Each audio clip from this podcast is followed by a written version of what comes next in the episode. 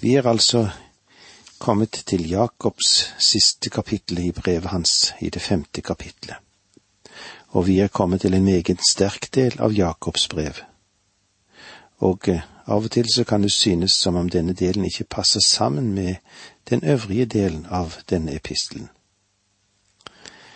Leser vi dette overfladisk, i alle fall de første seks versene, så kan det gi inntrykk av at Jakob står for en slags sosialistisk tankegang, en supersosialistisk doktrine om å utpine av de rike, eller la oss dele rikdommen.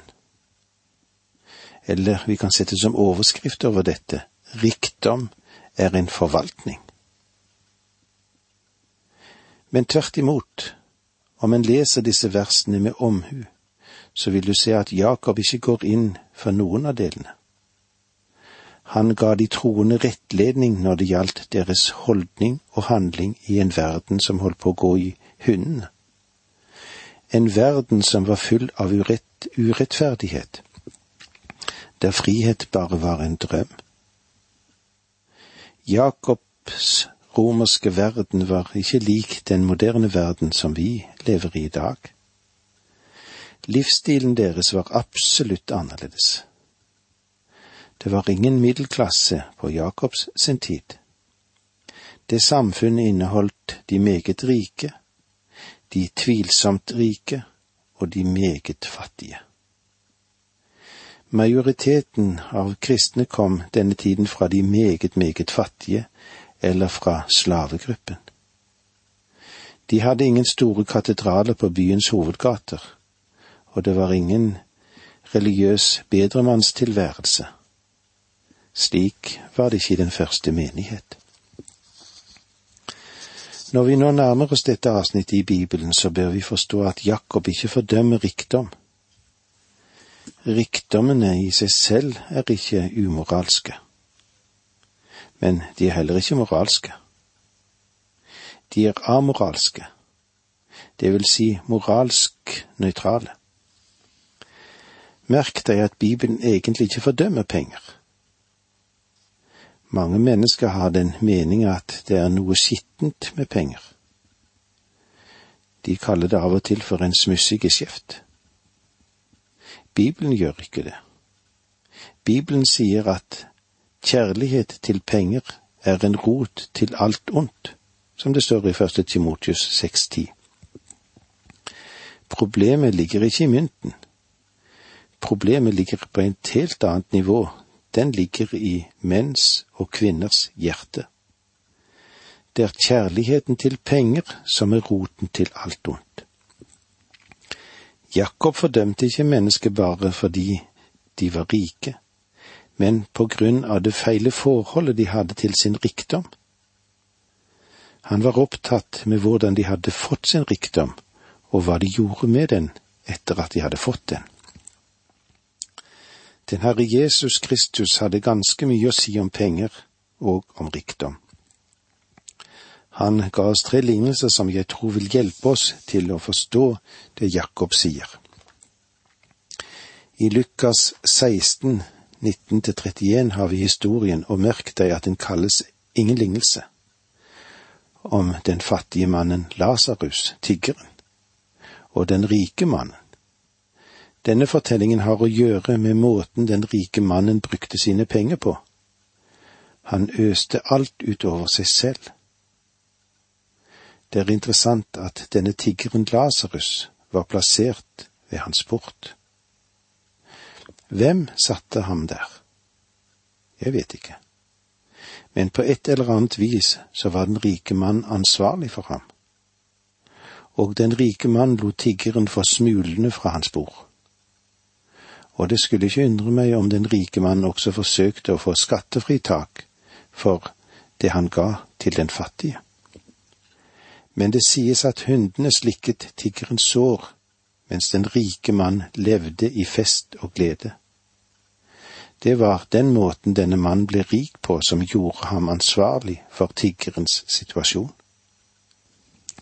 Noen kan kanskje spørre, hva får deg til å tro det, da? Vel, hvor dro de to menn etter døden?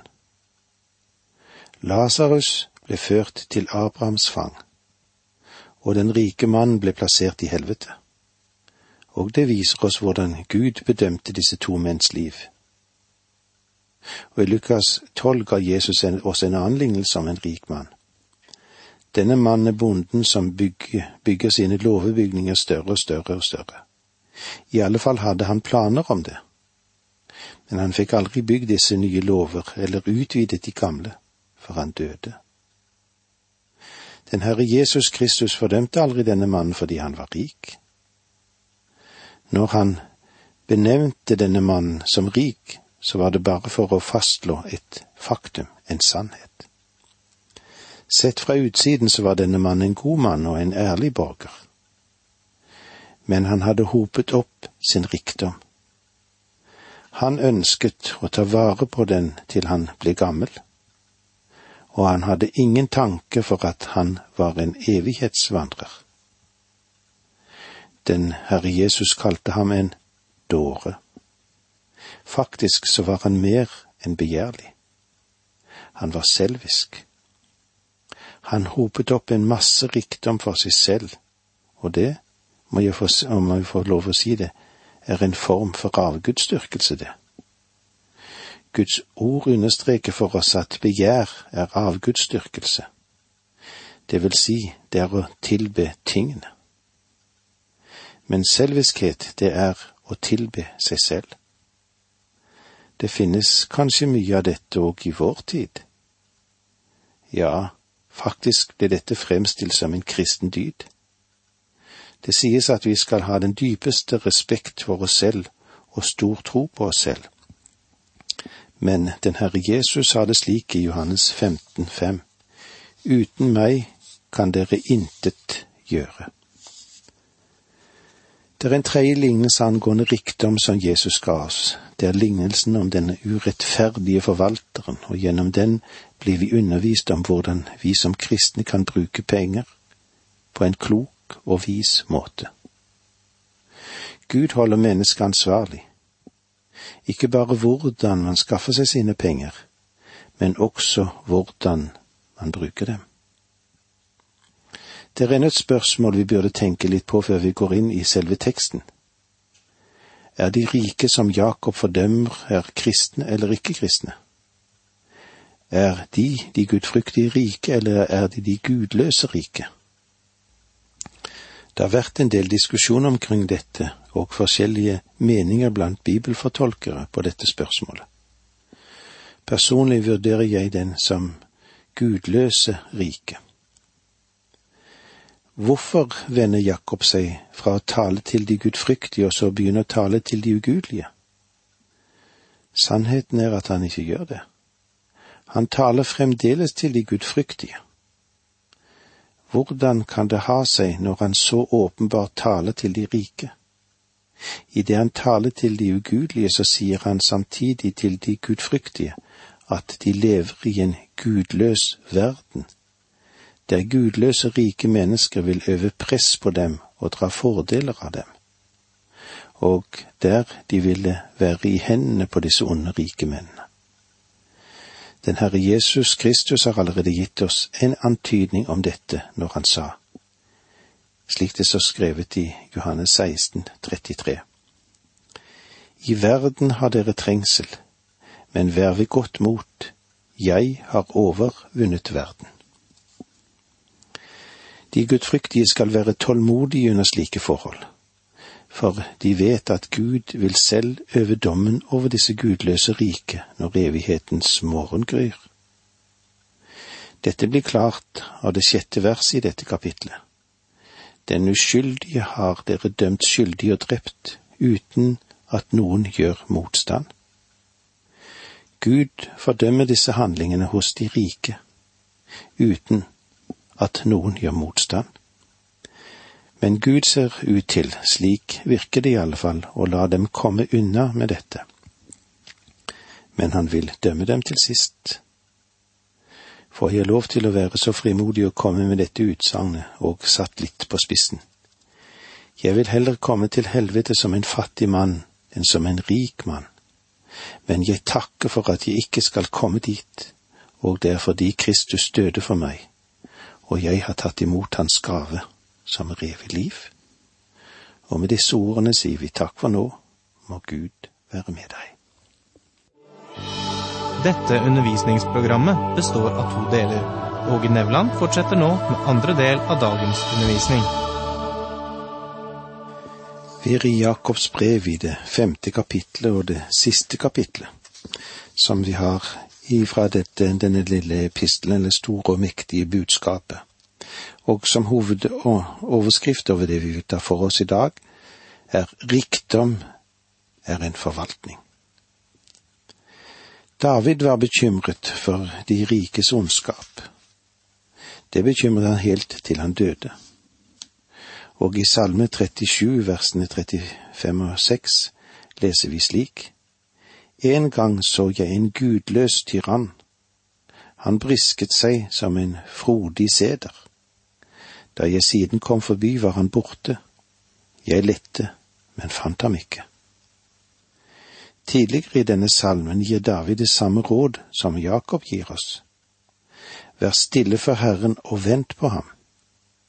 Bli ikke brennende harm på den som har lykken med seg på den som setter onde planer i verk.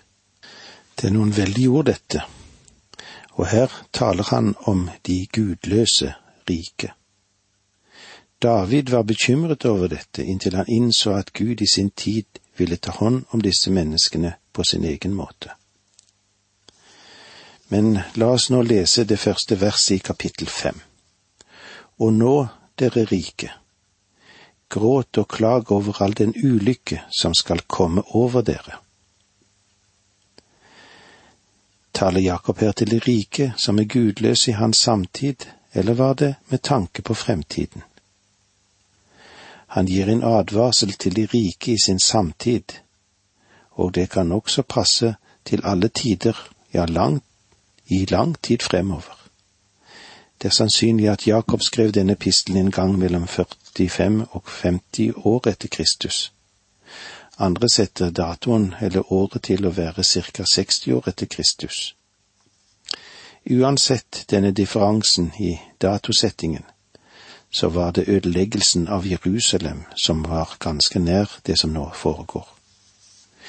I år 70 kom Titus med sin hær og ødela Jerusalem mer fullstendig enn det noensinne hadde vært ødelagt tidligere. Han lot ikke sten være tilbake på sten. Han hatet kristne, og han hatet jøder. Og begge disse kategoriene fant han i denne byen. Tro meg, da han var ferdig med sin behandling, så var det ingen rike jøder tilbake.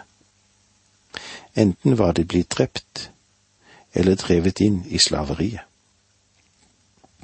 Og alle rikdommene var blitt beslaglagt og tatt som krigsbytte. Jakob kunne gi oss disse kraftige uttalelsene på bakgrunn av at Jesus hadde forutsagt før han ble hentet hjem til himmelen. Han sa jo da til sine disipler, når dere ser Jerusalem kringsatt av hærer, da skal dere vite at byen snart skal bli ødelagt, som det står i Lukas 21, 20. Det blir fullbyrdet i år 70.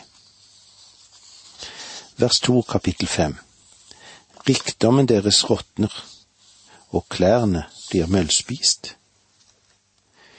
I lys av Kristi komme så er det blitt advart om at all rikdom verden kan oppvise, den blir til intet.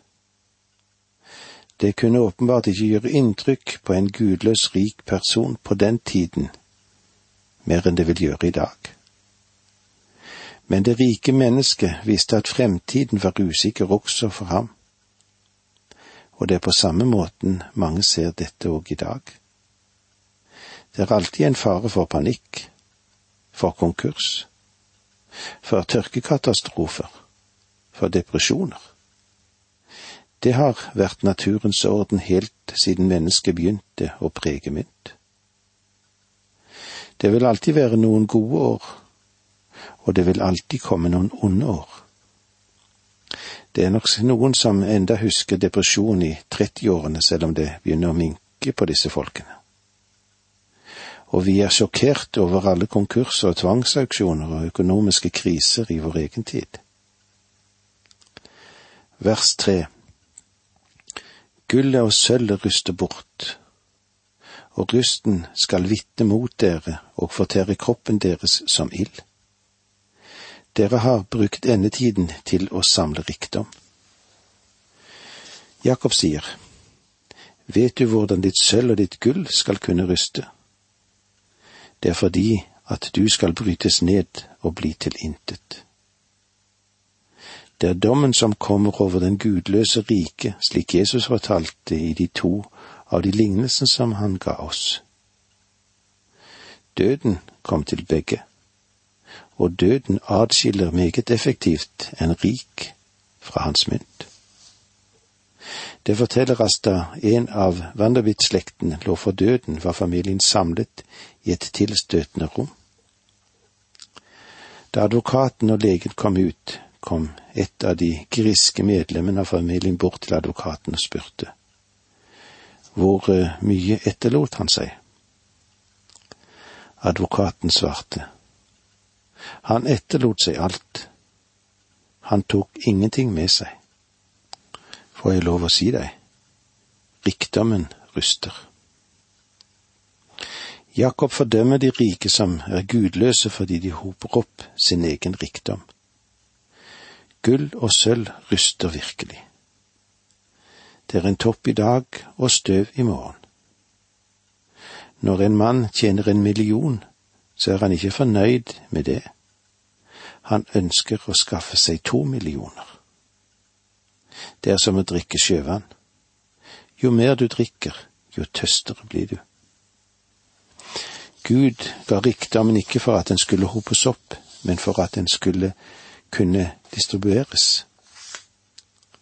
Den rike bonden i Kristi lignelse bygget seg større låvebygninger da han kunne hope opp mer av jordens grøde.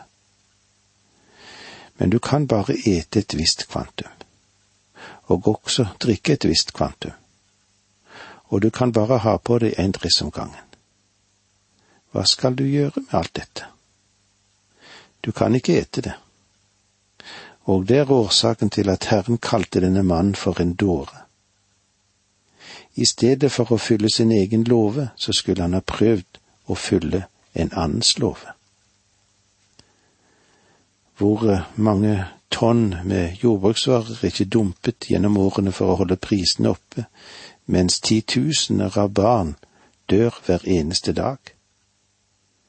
Jakob sier at rikdommen skal disponeres, ikke hopes opp. En eh, svært lite religiøs gårdbruker i Syd-Sverige skrev til en lokalavis og sa, Ærede redaktør. Jeg har gjort et eksperiment på en av åkrene mine dette året. Jeg pløyde på søndag. Jeg sådde på søndag. Jeg sprøytet det på søndag, og jeg høstet det på søndag. Jeg kjørte det inn i låven på søndag. Og nå, herr redaktør, hva er resultatet? Jeg har mer korn per mål av denne åkeren enn noen av mine naboer har hatt i oktober dette året. Redaktøren var ingen spesielt religiøs mann, men selv offentliggjorde han brevet og skrev under. Gud avslutter ikke alltid regnskapet sitt i oktober. Gud har evigheten foran seg. Vers fire i kapittel fem. Men hør, den lønn dere holdt igjen for arbeideren som skar åkrene deres, roper høyt, og høstfolkenes nødrop har nådd fram til Herren Sebaot. Jakob fordømmer ikke bare de gudløse rike for å hope opp en masse penger, men for å gjøre det på en uredelig måte. De har røvet det de fattige skulle hatt for å bli rike. I lignelsen lot den rike mannen få noen smuler, og det havnet hos tiggeren hvilket veldig budskap dette egentlig er. Denne fattige tiggeren var plassert ved den rike manns dør fordi den rike mann var ansvarlig for at han var så fattig som han var. I ordspråkene, i kapittel 22 vers 7, så står det slik. Rikmenn rår over fattige. Den som låner, må trelle for den som gir lån. Gud fordømmer den gudløse mann som skaper sin rikdom på uhederlig vis, spesielt når det betyr å ydmyke og utarme Guds barn. Kanskje Gud ikke griper inn ennå, men han kommer til å gjøre det i fremtiden. Om mennesker skaper sin rikdom ved å tråkke på andres hender, de som er under dem, så vil Gud dømme det en dag. Dette skulle tjene som et ord til advarsel til de rike, til de store selskap og til fagbevegelsene, og også til de store kirkelige organisasjonene. Gud skal dømme måten mennesker samler sin rikdom på, og hvordan de bruker den. Vers fem Dere har levd i luksus og overflod på jorden og gjort hjertene fete til slaktedagen. De rike brukte sin rikdom på en syndig måte. La meg igjen få lov til å sitere et ordtak, ordspråken 1811. Den rikes gods er hans faste borg. I hans tanke er det som en kneisende mur. Og det står òg slik i ordspråkene 2811. En rik mann er vis i egne øyne, en fattig som har innsikt, gjennomskuer ham.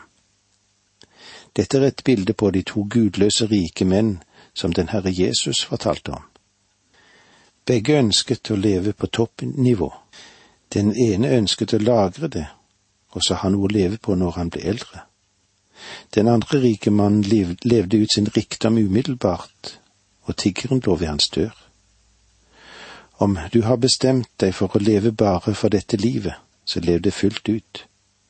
Men Gud sier at du er en dåre. Og med disse ordene sier vi takk for nå, må Gud være med deg.